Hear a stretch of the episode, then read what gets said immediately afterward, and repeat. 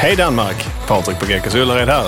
Hvornår har du planlagt din næste tur til Skandinaviens største varehus? På Gekås i Ullared kan du shoppe og overnatte til fantastisk lave priser. Hvornår kommer du? Shoppa, bo och umgås på Gekås Ullared. Før du tænder for dagens afsnit, kommer jeg lige med en disclaimer.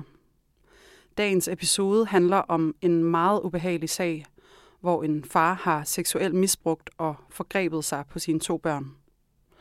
I afsnittet der dykker værterne ned i en række voldsomme og eksplicite detaljer, fordi vi ønsker at være med til at dække sagen fyldeskørende i samarbejde med offrene. Så sluk nu, hvis det her ikke er noget for dig. Du lytter til Panser, en ugenlig podcast på Podimo. Jeg hedder Peter Gro, og jeg er kriminaljournalist. Og jeg hedder René Dahl Andersen. Jeg er tidligere narkotikaptjent og har været undercover-agent ude i verden for PET. Og i dag, der fortsætter vi vores dobbeltafsnit om en sag, hvor en far igennem en årrække misbrugte sine to børn, der begge var under 12 år gammel. I sidste episode hørte vi om, hvordan politiet fik et tip fra en kanadisk chattjeneste ved navn Kik. Politiet tog ud på farens adresse, og de tjekkede hans telefon, og her gjorde de de første gruopvækkende fund. Faren blev anholdt, og børnenes mor fik besked. Det var overgreb, som fandt sted efter, at børnenes forældre var blevet skilt. Faren så øh, børnene hver anden weekend, og her begik han sin overgreb, når de sov. Overgrebene startede i 2013, og der blev sat en stopper for det, da manden blev anholdt i april 2019. Som du siger, René, var begge børn under 12 år i hele perioden. I de her to episoder taler vi med børnenes mor, og vi taler med en tidligere politiefterforsker, som var med til at opdage sagen. Og til sidst i den her episode taler vi også med pigen, som blev seksuelt misbrugt af sin far. Og vi fortsætter, hvor vi slap i første episode med at tale om sagen, der skal i retten.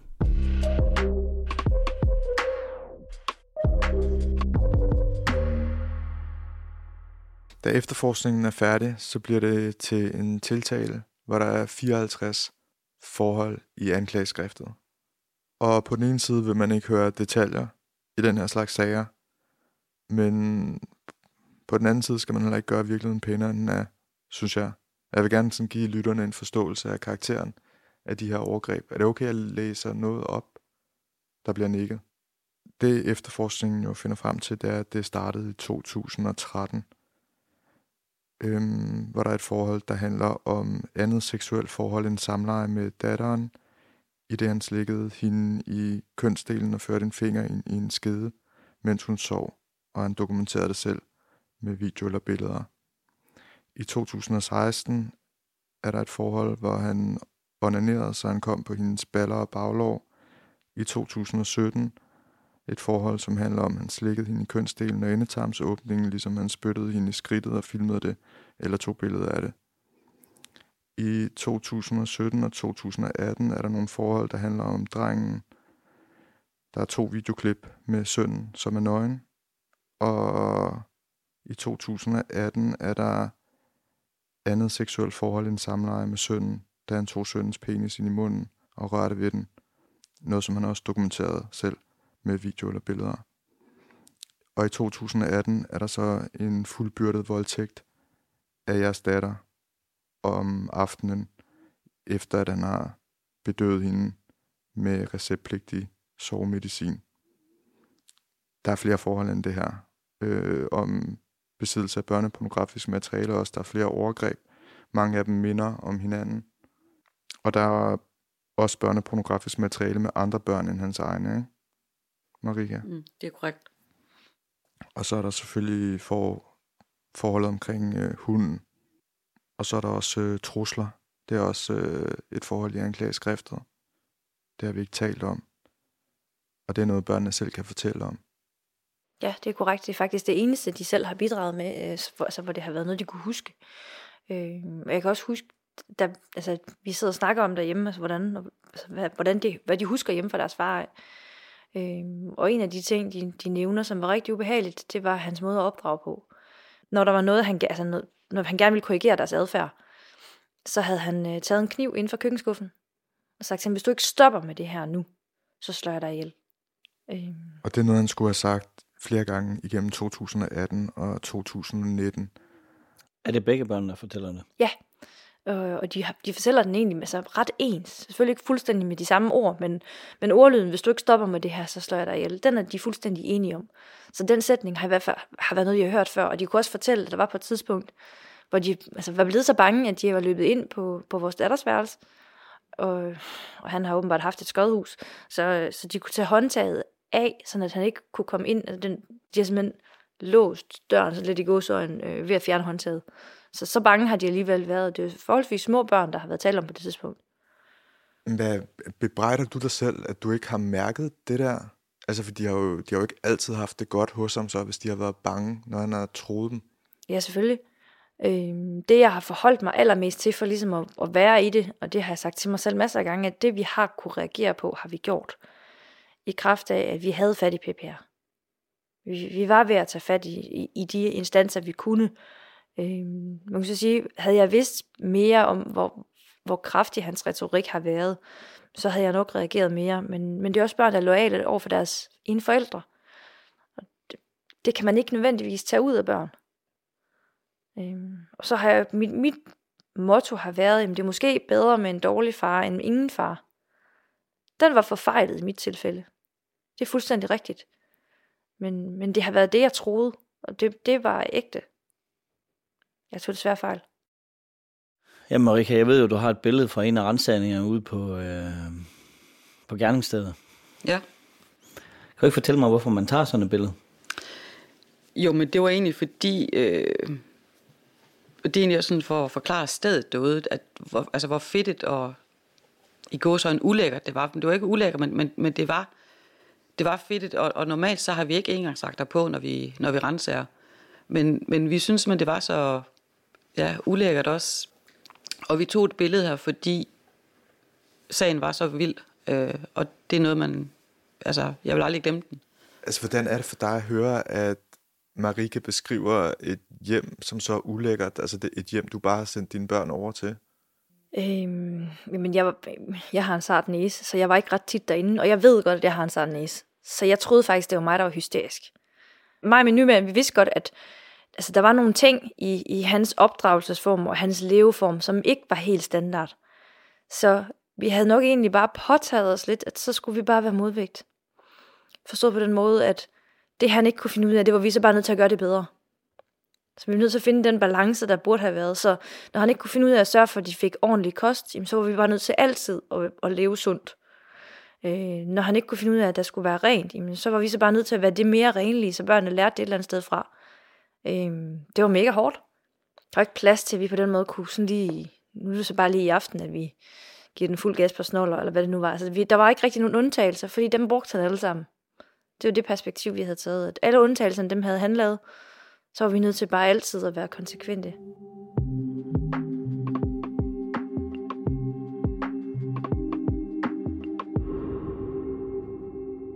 Så kommer dagen for retten. Første dag i byretten, det er den 20. april 2020.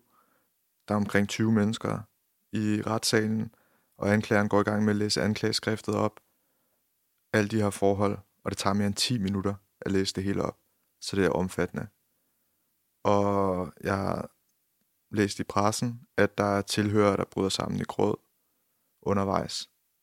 Du var der ikke på første dagen, fordi du skulle vide, vidne i sagen også, så kan du ikke være der for sagen start først efter, at du har afgivet din vidneforklaring. Var der familie i retten? Øh, jeg havde noget af min familie, og han havde noget af hans familie. Og det var hans familie, der blev påvirket. Øh, fordi de havde brug for at høre, at, jamen så, at det her det ikke bare kom fra mig. Øh, jeg, jeg har ikke haft voldsomt meget dialog med hans familie forud for alt det her.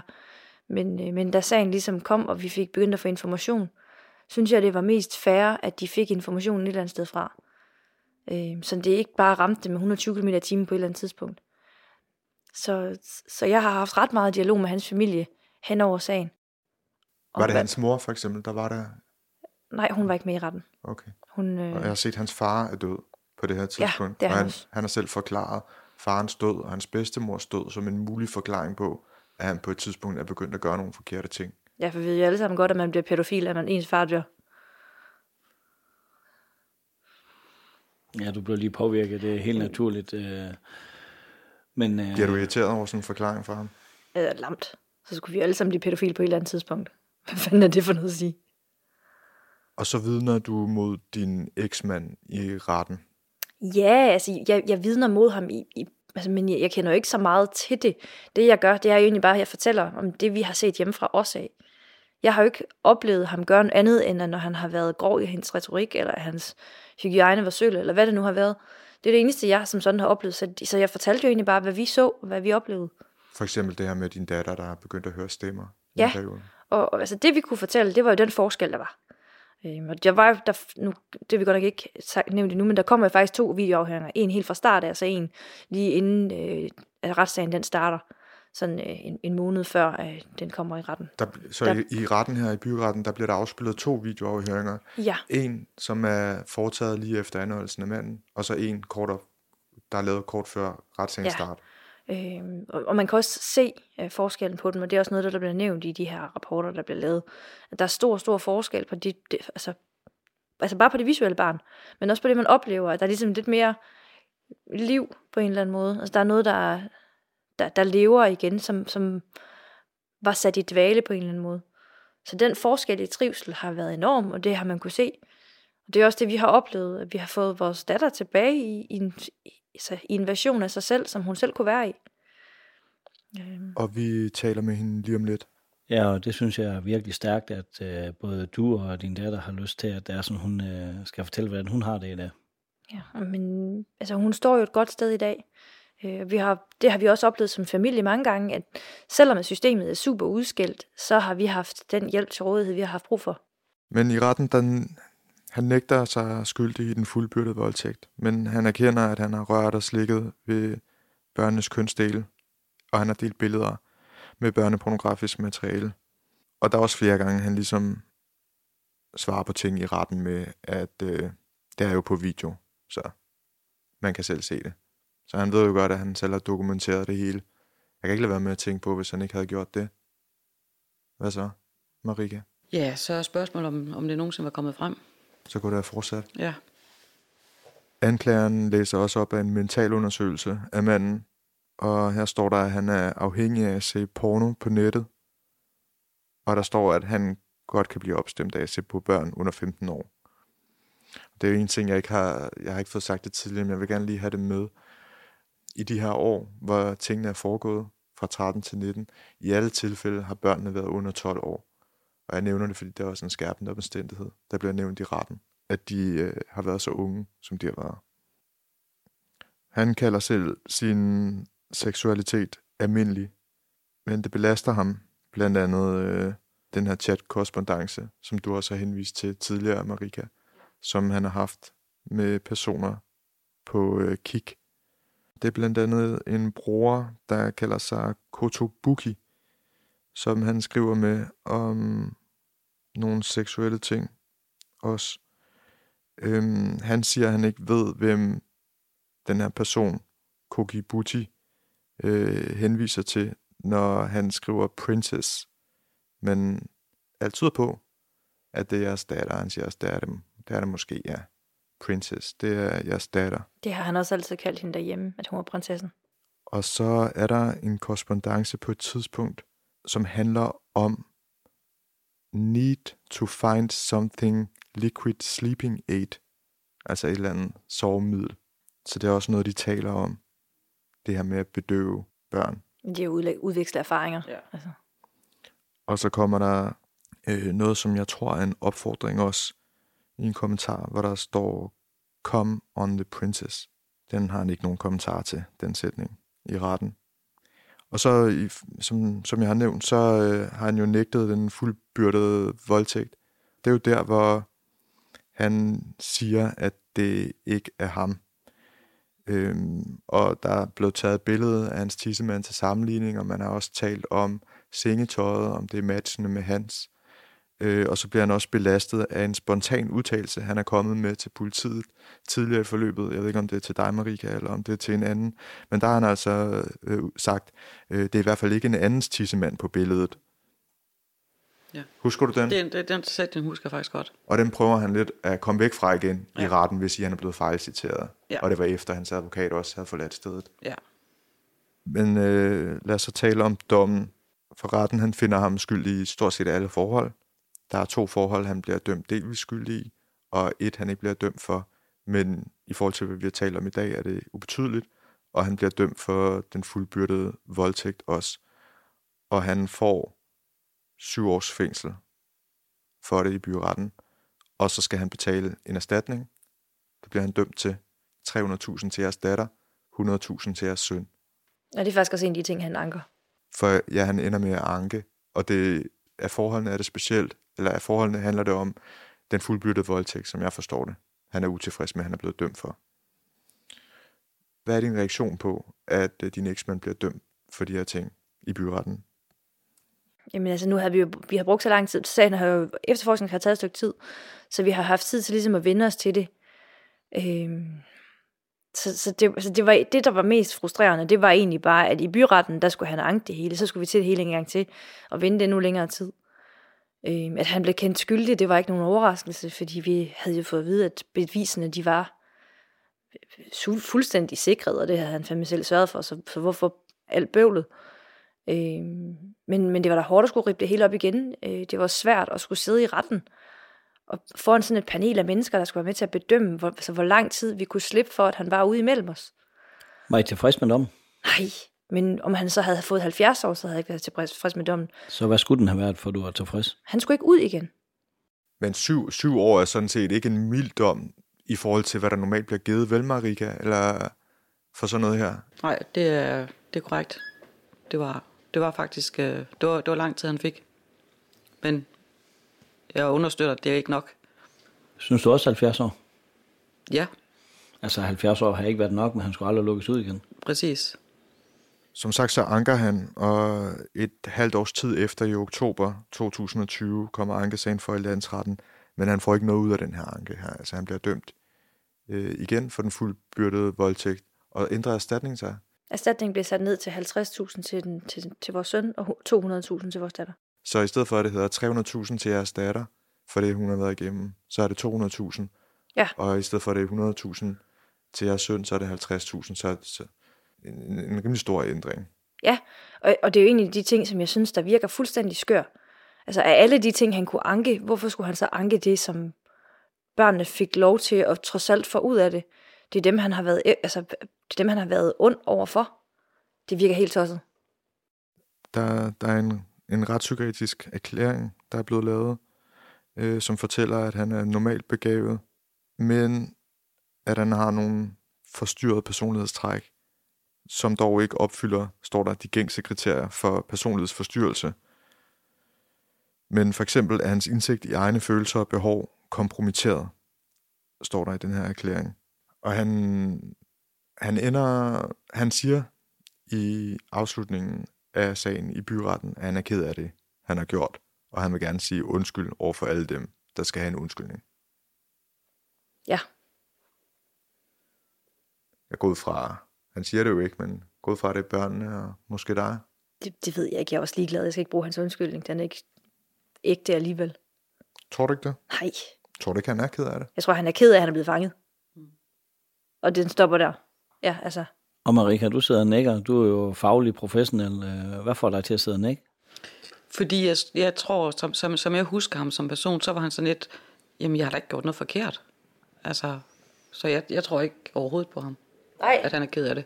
Og han siger også i, i hans forklaringer nede i retten, at det er sådan, hans, øh, han synes, han har en helt normal seksualitet. Mm. Så var der nogle upser. Ja. Jamen, jamen altså, ja. Det, det, jo, det viser jo bare, hvor lidt empati mennesket har.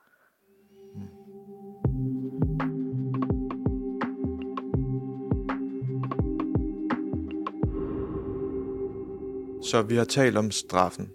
Du synes ikke, den her straf på syv år er nok. Det var den samme, han fik jo i landsretten. Og han blev fængslet i foråret 2019, og han har fået syv år. To tredjedel af det, det er fire år, otte måneder. Så det hedder slutningen af 23. Så er der gået to, to tredjedel. Og hvad betyder det? Det betyder, at han snart kommer ud, og hvordan har du det med det? Super mærkeligt. Jeg aner ikke, hvad jeg skal forholde mig til. Jeg aner ikke, hvad jeg skal forvente. Øhm, det er jo ikke noget, jeg kan ændre på. Har du haft noget kontakt med ham, mens han har siddet inde? Nej. Har Han- børnene? Nej. De fik brev fra, de har fået brev fra ham to gange. De brev har de brændt. Øhm, det første, jeg kan huske, det første brev, han skrev til dem, det, det de sagde, det var, men han siger jo ikke engang undskyld. Hvad, hvad siger han så?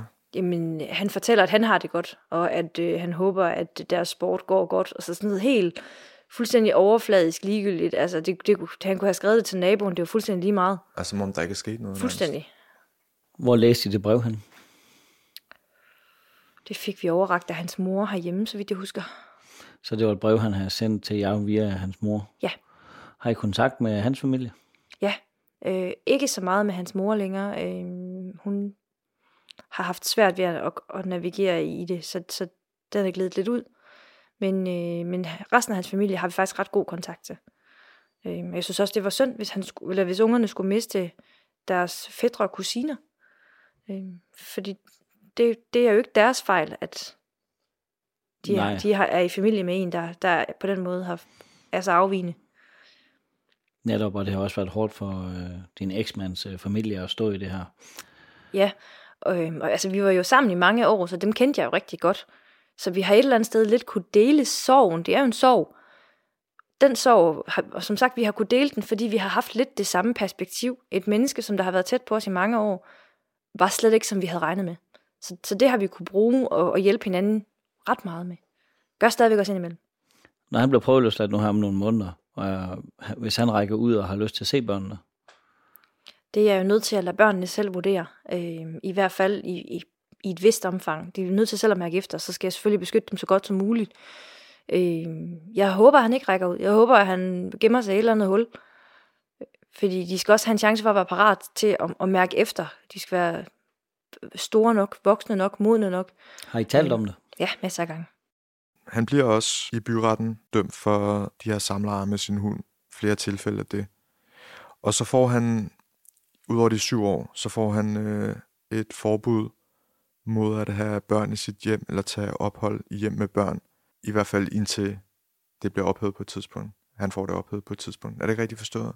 Jo, det der er en, en rigtig vigtig detalje i den paragraf. Det gælder ikke egne børn. Når du bliver dømt med, altså med, den, med det, der hedder besøgs- og opholdsforbud, så gælder det alle andre børn end ens egne. Og det er hans egne børn, der er offrene. Så de er faktisk ikke beskyttet af den der. Og jeg kan ikke beskytte dem mod ham. Så skal han først gøre noget. Så jeg kan ikke give ham, øh, altså jeg kan ikke starte med at søge polititilhold, for jeg ved ikke, om han gør noget endnu. Så jeg kan ikke sørge for, at han ikke må komme til dem. Er du nervøs for det her med, at han kommer ud? Selvfølgelig.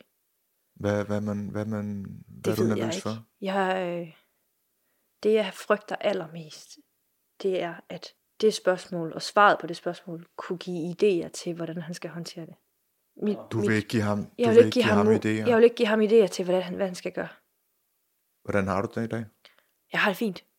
Det er noget, der findes. Det er fandme ikke det, der skal definere mig. Øh, det er ikke det samme som, at det ikke lever, og det ikke er noget, der, der, der er en del af mig. Vi har en, en grim historie med, øh, men jeg har brugt det modsat i stedet for. Fordi når jeg, vi har kommet oven på det, vi har været igennem nu, mm, så er der ikke ret meget andet, jeg ikke kan klare. Fordi alt andet, det vil være nemmere. Hvordan har din søn det? han, har, han er den, der har haft det nem, altså har taget det mest nemt. Han har reageret med vrede. Øh, han har aldrig været ud på den måde, men, øh, men hans biologiske far er en kæmpe idiot, og han skal bare blive ind i fængsel og fuck af. Øh, så, så han har egentlig håndteret det ret simpelt. Altså, at have taget fuldstændig afstand fra alt, hvad der havde med ham at gøre. Og vi kommer til at tale med din datter om lidt, men du har fortalt mig, at i starten var hendes reaktion anderledes end din søns. Hun, hun, hun var meget bekymret for, for sin biologiske far. Hun var meget bange for, at der skulle ske ham noget, og om han havde det godt, og, og forholdt sig i starten, og, og i noget, der ligner et halvt år, tror jeg, utrolig lidt til, det faktisk var hende, det var gået ud over alt det, han var anklaget for. Så det brugte hun lang tid på at tykke på. Øh, hun skulle selvfølgelig også modnes lidt i at forstå, hvad det handlede om. Men, øh, men, men der, det var en lang rejse, hun var på, for at komme til der, hvor hun er i dag. I, I har fået psykologhjælp Vi har fået psykologhjælp fra dag 1. Mass- massivt, eller hvad? i det omfang, vi har haft behov for. Vi har også selv på et tidspunkt sagt, nu er jeg simpelthen behandlingstræt. Nu skal jeg have en pause. Øh, det har vores datter også, og, og vores søn har kun været med nogle gange i det, han har haft behov for. Så har han tegnet sig ud af det. Øh, på et tidspunkt så tegnede han, hvordan han skulle, hans far skulle køres ned. Så ændrede han det til, at det var nok bedre, at han blev ramt af et lyn, for så er der ikke nogen, der blev straffet for at, at gøre ham noget. Ah, så, det... så, så altså, sådan hele vejen igennem, så har vi fået lov til at, at få den hjælp, vi har brug for. Øh, vi har også stadigvæk jævnligt øh, kontakt med behandlingssystemet. Både mig og vores datter. Jamen, når jeg hører det der, så tænker jeg, at øh, jeg tror, det er vigtigt at blive ved med at tale med jeres søn, og også at tale om de følelser, der er i ham, og lade ham tegne det ud, eller lade ham få det ud, så han ikke øh, bliver sådan en øh, dreng eller mand, der, som nogle mænd kan blive, der lukker det inde. Så bliv ved med det. Og øh, så er vi jo i, øh, i provinsen, hvor både Peter og jeg kommer fra. Hvordan har lokalområdet øh, reageret på, på jer og den her historie? Jamen overvejende, så har de jo haft omsorg for os. Øh, det har været øh, sådan, at altså, med, med overraskelse, fordi han var kendt i lokalområdet. Øh, så, så det har fyldt noget for, for mange, at holde op, at det her, det her det, har, det er jo nærmest tæt på, fordi det er jo lige ved siden af. Men, øh, men altså, vi har ikke som sådan blevet udskammet på nogen måde. Og øh, i kraft af, at, at altså, da det kom ud, hvordan altså vi havde jo hende, vi havde hende allerede i PPR, vi havde gjort det, vi kunne, så har de egentlig haft omsorg for os mere end, altså mere end anklagende. Er der mange naboer, der ved, der kender den her historie? Jeg tror ikke, der er nogen, der ikke gør. Så hvordan er det at gå ned i brusen? Kigger du ned på snørbunden, eller kigger du op og kigger folk i øjnene og taler med dem? B. Det her det er ikke min skam, det er hans. Kommer folk hen og taler med dig om det, eller kommer de hen og spørger, hvordan det, du og dine børn har det? Ja, det gjorde de i starten. Øh, og nogen spørger med omsorg, og nogen spørger nysgerrighed. Øh, så, så det har vi sådan ligesom kunne navigere i det omfang, vi, vi havde brug for. Men, øh, og Marika, du markerer? Ja, øh, at nu har jeg under hele efterforskningen været i tæt kontakt med, med moren her, og, og jeg vil bare sige, det, det er vanvittigt, at øh, så, så, så stærk hun er. Øh, en gang ringede hun til mig på mit arbejde, fra sit arbejde, øh, Marika, du bliver nødt til at komme ud. Og jeg smed det hele og kørte ud, og så stod vi lige og tog lidt på parkeringspladsen og fik en krammer. Men øh, det var det. Marika, nu sidder du her og kigger på, på moren, øh, som øh, er en kæmpe del af den her sag. Var du til stede i retten? Ja, det var den ene dag. Hvad dag var det? Det var den første dag. Ja. Hvad skyldes det? Jamen, fordi sagen har øh, påvirket mig så meget, at, at jeg skulle følge den til dørs. Og øh, du var ikke i politiet længere på det her tidspunkt? Nej, det var ikke. Så alligevel møder du op? Ja, det gjorde jeg. Prøv at fortælle, øh, sagen har påvirket dig, og, og hvordan du havde det, da du sad der. Jamen, sagen har påvirket mig, fordi, øh, som sagt, øh, vores børn er, er lige gamle, og, øh, og det her med, at øh, den der, øh, den der øh, kommentar, som, som pigen kom med, om, om det var mig, der havde reddet hende, den gjorde virkelig indtryk på mig, og, og moren og jeg har også øh, efterfølgende øh, haft et, ja, hvad skal man sige, venskab. Yeah. Ja. Så, så sagen kom helt under huden på mig, øhm, og blev sådan næsten personlig. Så man kan sige, at du har taget dit arbejde med hjem? Ja, det har jeg i den grad. Og det sidder vel stadigvæk i kroppen af dig? Ja, det gør det. Altså det, det er jo også en af de ting, som, som jeg har sagt til både Marika og nogle af de andre, der har været en del af sagen øh, adskillige gange, at for os har de været en kæmpe hjælp. En ting er, at, at de har været med til at afdække, hvad der har været sket hos deres far, og sørge for, at han er kommet bag trammer. Men de har også været en kæmpe hjælp for os som familie efterfølgende. Øh, for eksempel det med, altså vi havde jo delt forældremyndighed, inden han blev øh, varetægtsfængslet. Øh, det betyder også, at når man sidder i fængsel, så har man faktisk ret til at blive informeret om, hvad der sker, og, og nogle gange også medbestemmelse der skulle vi faktisk spørge ham om lov, hvis vi skulle ændre nogle ting. Øhm, og, og det var der bare alt i min krop, der sagde hell no. Hvornår skulle du det? Da han var varetægtsfængslet? Ja, altså det, det var jo tænkte eksempler. Vi mm. havde ikke nogen konkrete ting, mm. men, men når det ramte os, så skulle han simpelthen bare ikke have noget som helst at sige. Så, så det jeg kunne gøre, det var at søge øh, midlertidig fuld forældremyndighed. Og, og det er jo bollocks. Altså, det giver jo ingen mening, at man skal sidde inde og være varetægtsfængslet. Og, altså, drukne i beviser for at have misbrugt sine børn, og så stadigvæk være med til at bestemme, hvad de skal og hvad de ikke skal, fordi man stadigvæk har forældremyndighed. Men i kraft af, at han ikke var dømt, så kunne jeg faktisk bare heller, ikke, heller ikke bare få fuld forældremyndighed. Men man kan godt fraskrive sig forældremyndigheden. Så han kunne vælge Ja, at fraskrive sig og der har. Marika bare været en kæmpe hjælp. Så det fik hun ham til? Yes. Det er rigtigt. Var det, var det svært at overtale ham til det? Nej, det var det faktisk ikke. Jeg tror godt selv, der vidste han godt, hvor, hvad vej det gik.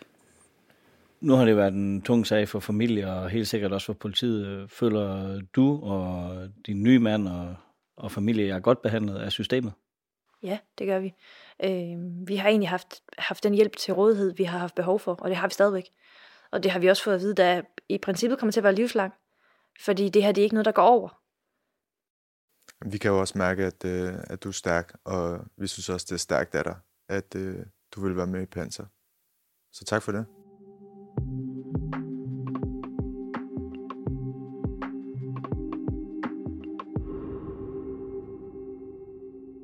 Nu har vi fået en ekstra gæst. Pigen. Ja. Som har været udsat for nogle af de ting, vi har talt om i dag, og vi er meget glade for, at du har mod på at tale med os. Selvfølgelig. Jeg føler, at vi har på ingen måde presset på for det her. Altså, du har selv lyst. Ja. Ja, så siger du lige selvfølgelig, da du sætter dig. Hvorfor er det en selvfølge for dig, at øh, du har lyst til at sidde her ved siden af din mor og tale med Peter og jeg? Fordi at jeg har ikke noget imod, andre ved det, og det er en stor sag. Og det er vigtigt, at folk også ved, det sker. Hvordan har du det? Altså, jeg synes, det er en forfærdelig situation, men øh, jeg kan så ikke huske ret meget af den. Mit hoved har simpelthen lukket ned omkring til et år efter. Så det er helt vildt sært, at man også skal sidde med sine forældre, og så kan de forklare nogle situationer, man har fortalt om, og man kan overhovedet ikke huske det. Kan du huske forløbet med, nu sidder Marika her ved siden af, som er politibetjenten. Ja. Kan du huske forløbet med sagen, og de gang, du skulle afhøres og sådan noget? Jeg kan faktisk, jeg kan huske, vi kom til afhøring, men jeg kan ikke huske, hvad jeg sagde derinde. Der er mit hoved simpelthen lukket af. Hvordan var det for dig dengang øh, at opleve det der? Altså, har det været forvirrende? virkelig forvirrende, fordi man fik hele tiden noget nyt at vide. Så kom der noget nyt, og det var værre og værre for hver gang næsten. Og det er svært at forholde sig til de der oplysninger, de ting, der er sådan, at, øh, at din biologiske far er blevet øh, dømt for. Ja, det er svært, fordi at det er en, der har simpelthen opfostret dig. Du har boet med ham. Du har kunnet stole på ham. Skulle kunne stole på ham. Ja. Og så, for, så kommer man ud i sådan et råd, så var alting bare helt fucked up. Ja, så kommer der et andet billede. Ja, så, nu, så får man jo helt nye indtryk lige pludselig, bare sådan midt ud af det hele. Nu kalder jeg ham din biologiske far. Mm. Er han din far? Nej, Vi hører her fortalt, at det er sådan, at, øh, at du sidder sammen med din mor og Marika, og så øh, et par dage efter, så kigger du på Marika, og så siger, at det er dig, der har reddet mig. Kan du huske det? nej, det kan jeg faktisk ikke, nej. Føler du, det er Marika, der har reddet dig? Ja, og hele hendes hold. Det er så godt, de fandt ud af det. Du ser taknemmelig ud nu, og Ja. ser glad ud. Ja, fordi det kunne have været enten meget værre, end det gjorde. Husk, vil du ikke fortælle os lidt om det her med, at du havde en periode, hvor du hørte stemmer? Det synes jeg selv lyder skræmmende. Ja, øhm, der var en periode på, jeg ved ikke, hvor lang tid det var, lidt inden, der jeg begyndte at gå helt fra forstanden. Jeg begyndte at høre stemmer, der sagde, at jeg skulle gøre alt muligt ved mig selv og ved andre. Hvad var det for nogle stemmer? Er det en mandestemme eller en Nej, kvindestemme? det var simpelthen nogle forskellige stemmer fra forskellige folk, jeg aldrig havde mødt før. Så blev det værre med tiden, så begyndte jeg at se syner og sådan noget. Hvad så du? Det var alt muligt. Det kunne bare være mennesker, der ikke var der, der bare stod op, op foran en, eller hvis man vågnede, så var der lige pludselig nogen på ens værelse, så gik de væk hurtigt efter. Vi- Vidste du, at det ikke var rigtige personer? Altså, kunne du ligesom... Øh, Var du start, bevidst om det? I starten, der, der var jeg helt vildt i tvivl, så jo mere og mere, det, ser, det så vildt realistisk ud jo, for det var noget, hovedet genererede. Men så fik man mere og mere overbevist sig selv om, det ikke var rigtigt. Men det var virkelig skræmmende bare. Ja. Også selvom det ikke var. Hvad sagde de til dig? Det kunne være alt. Det kunne være, at du skulle kvæle nogen, eller at du skulle slå nogen, eller du fortjener ikke at leve og sådan noget. Er der sådan en konkret ting, du kan huske? En konkret sætning? Ja, det var, at jeg skulle hænge mig selv og sådan noget. Mm. Det, så fik jeg så også fortalt sådan noget til mine forældre. Og så fik de så fat i nogen. Så prøvede vi at få hjælp med det. Og, og, og hvilken for, mærkede du den her forskel, der efter du holdt op med at komme hos din far? Øh, I forhold til de ting, du fortæller om her? Ja, det gjorde jeg, fordi så begyndte jeg hurtigt at gå væk. Så snart det var, så snart det år, han var væk, så begyndte de at bare at gå væk. Så var de der ikke længere simpelthen. Når du kigger tilbage på den periode, og dengang du boede hos din biologiske far, følte du dig utryg, når du var der? Ja, fordi han var ikke ret voksen. Han sad altid bare og spillede for sig selv, så kunne jeg passe på min lillebror og lave mad og sådan noget. Så du stod for at lave maden? Og... Ofte, ofte ja. Og du var ikke særlig gammel nu? Nej. Nu siger altså du, virkelig ikke gammel nu? Nej. nu siger du dine forældre, og du fik talt med dem. Ja. Og dine forældre, det er så din mor, der sidder her ved siden af og holder dig i hånden nu, Ja. og så din stedfar. Mm. Nu, øh, nu ved vi jo om nogle måneder, så blev din far løsladt. Ja. Hvordan har du det med det? Jeg synes, det er helt vildt for ringe, at det er så kort tid siden, at han kom ind. Så skal han allerede ud. Skræmmer det dig?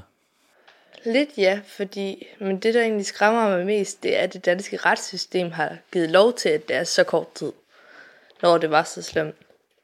Så hvor lang tid synes du, han skulle være inde? Ja, han skulle, han skulle være løst inde og smidt nøglen væk, ifølge mig. Men er du nervøs for, at han kommer ud? Lidt ja, for jeg har virkelig, virkelig ikke lyst til at snakke til ham. Øh, han, I starten der har han sendt to breve, tror jeg det var. Og ikke i et af dem stod der, han var ked af det. Han lød bare som om, at der var simpelthen ikke sket noget. Han var bare væk på ferie eller et eller andet. Så du har brug for, at han angrer? Virkelig, og jeg håber også, han gør det. Jeg kan, ikke, at jeg kan bruge det til noget længere, men bare så han har det så ringe med sig selv. Hvis nu, at han øh, om nogle måneder her rækker ud og siger, at han godt kunne tænke sig at se dig og din bror, hvad er dine reaktioner og dit svar så? Det bliver et kort og godt nej. Jeg skal ikke snakke med ham. Jeg har ikke noget, hvis jeg skulle sige til ham. Du, øh, du er en sej, ung teenager. Hvad, hvad skal du lave, når du bliver voksen? Mm, Jeg regner med at egentlig blive retsadvokat. Hvor, hvorfor retsadvokat? I håb om, at man kan da forhåbentlig gøre et eller andet ved, da- ved Danmarks retssystem. Få udvidet straffen og sådan noget. Jeg vil helst komme an på sagen, foretrækker at være anklager. Ja, du skal ikke være forsvar for nogen som din far, kan jeg Nej. godt høre. Det vil jeg helst ikke komme ud for, for jeg har ingen sympati for dem. Jeg vil ikke kunne se det, det retfærdige i det. Så du vil være på Marikas hold og anklagemyndighedens hold? Nemlig. Jamen altså, jeg er imponeret over, at det er sådan, at I sidder her og kommer igennem det, og, og at I deler jeres historie, og, og har selvfølgelig den her historie med jer resten af livet. Mm-hmm. Har dine venner været søde ved dig? Kender Ja. de til det? De fleste gør jeg, fordi at sådan noget går hurtigt i omløb jo. Ja, Men de fleste har egentlig været søde nok. Der har været nogen, der har prøvet at drille mig med det, men de blev da også hurtigt lukket ned. Hvad gjorde du ved det? For det, hvis det kunne an på, hvor slemt det var, så kunne man bare svare igen. Hvis det blev helt vildt slemt, så fik de voksne der at vide. Så, fik de, så holdt de også op til sidst. Mm. Så nogle gange får man nogle spørgsmål, hvis folk bliver i tvivl, men så kommer der an på spørgsmålet, så svarer man, eller så svarer man ikke. Så det kommer an på, om informationen er vigtig, eller, er, eller om den ikke er. Så hvis det er noget, hvordan har du det nu, så kan man sagtens. Men hvad skete der egentlig, det har jeg egentlig ikke rigtig lyst til at snakke om på den måde til folk, jeg kender. nej. Nogle gange kan det godt virke, som om det egentlig kun er for deres egen nysgerrighed. For eksempel, er du okay? Så er det ikke altid bare, fordi det er omsorg. Føler du, føler du, du er kommet helt over det, eller kan det stadigvæk gå ondt nogle gange? Det kan stadig godt ondt, men for det meste, så går du egentlig ud af dagligdagen, så man ikke tænker så meget over det. Så ligger det bare i baghovedet. Så nogle gange kommer det op. Hvornår er du utryg, hvis du er utryg nogle gange? Det er jeg ikke så meget mere. fordi at han sidder stadig inde, men det var et eller andet med, at han var kommet på ledsaget og uledsaget udgang. Men så håber vi da, at vi ikke støder på ham. Hvad hvis du gør? Så går jeg. Så går jeg. Jeg går ikke ret meget alene, fordi jeg, jeg, kan egentlig, jeg synes, det er kedeligt at være alene, så hvis jeg er alene, så er det kun i nogle store byer. Hvordan sover du? Kan du falde i søvn om aftenen? Det kommer an på, om jeg kommer til at tænke over det, hvilket jeg ofte ikke gør. Men så kan jeg sagtens falde i søvn, ja. Og hvis du kommer til at tænke på det, hvad gør du så? Så, så plejer det altid at hjælpe at bare sætte en film på. Så, kan det, så tænker man måske lidt mindre over det, hvis der er baggrundsstøj. Bare lige for øh, sådan at få slået en ting fast, og nu kan jeg se den der kærlighed, der er mellem dig og din mor. Er det noget, hvor din mor har overtalt dig til, at du skal sidde her og være med i den her udsendelse med Peter og jeg? Nej, hun spurgte, om jeg havde lyst. Det vil jeg gerne, fordi så kan man sprede budskabet om, man skal egentlig passe på, men man skal ikke gå og være bange hele tiden. Det er der ikke nogen mening med. Jeg synes bare, hvis der er et eller andet, du selv har tænkt over, der er vigtigt øh, for dig at få sagt. Ja, det danske retssystem skal udvides. Det er ofte, der sker, at dommene er for kort, synes jeg. Og det er ikke ofte, at der sker nok retfærdighed for den, der er gået ud over, altså offeret. Men så i det danske retssystem, så passer man nok lidt mere på den, der har gjort det efterhånden. Og det er også fordi, jeg ved ikke, hvad du tænker, René, men sagsbehandlingen tager jo også lidt tid i sådan en sag. Så han ender med at få sin endelige dom i landsretten i slutningen af 2020, og så går der tre år, så kan han blive prøveløsladt. Og på det tidspunkt har han jo gået ledsaget udgang i lang tid formentlig, og måske også uledsaget udgang. Så det, det, det føles jo som om, at sådan en dom, som lyder høj på syv år måske, ikke? Det, det er i virkeligheden ingenting, fordi med et fingerknips, så er folk ude igen. Vi fik faktisk at vide i sommer sidste år, at der var han allerede startet på ledsaget udgang. Så det er faktisk kun halvandet år, han reelt har siddet fængslet. Ja, altså han sidder fængslet længere tid, men allerede halvandet år efter den endelige dom, er det ikke sådan, jeg skal forstå det? Allerede halvandet år efter den endelige dom, så, så, så, så går han udgang. Så kan man risikere at møde sin gerningsmand. Det, er sådan er det jo, når man lever i et demokratisk samfund, så kigger man selvfølgelig på forrettet og på familien til forrettet, men man kigger også på gerningsmanden, og syv års øh, fængsel er ikke syv års fængsel. Det ved alle os, der er tæt på systemet, eller har været tæt på dem, som man er kriminaljournalist, politimand, eller som jeg er forrettet. Det kan man have en holdning til, men det er, jeg kan sige sådan her fra mit perspektiv, det er, sådan er det, det desværre, at syv år ikke syv år. Men øh, så kan vi jo håbe, at der er nogle stemmer, der bliver hørt, og nu har I brugt jeres stemme i dag, og det er vi virkelig glade for, og vi er også glade for den indsats, du har lavet, Marika, og blive ved med at have tråd og snor og kærlighed i og til familien. Øhm, det er jo det, jeg altid siger, det er det vigtigste for en politimand eller en politikvinde, det er interessen for menneskerne. Så tak for, at uh, I ragt ud til Peter. Ja, tak fordi vi måtte uh, møde jer alle sammen. Selv tak.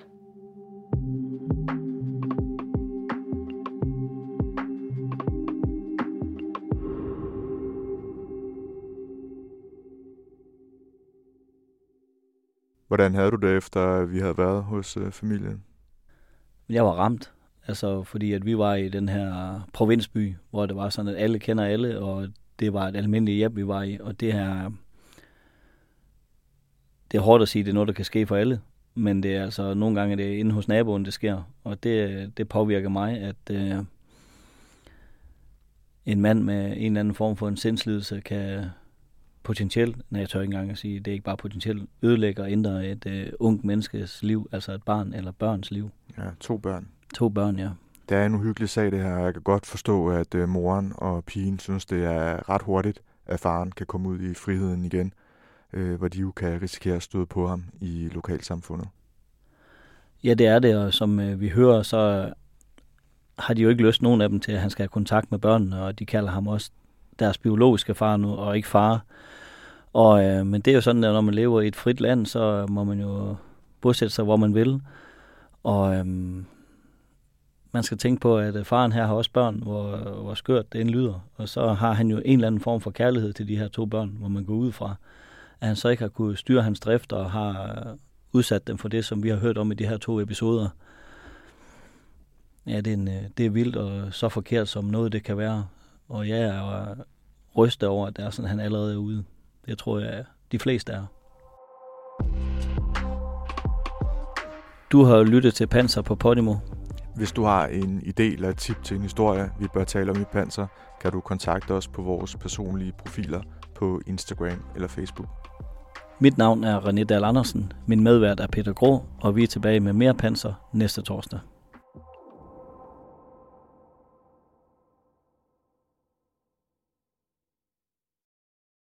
Kender du også det? Du har munden fuld af tyggegummi, da du uventet bliver stillet et spørgsmål.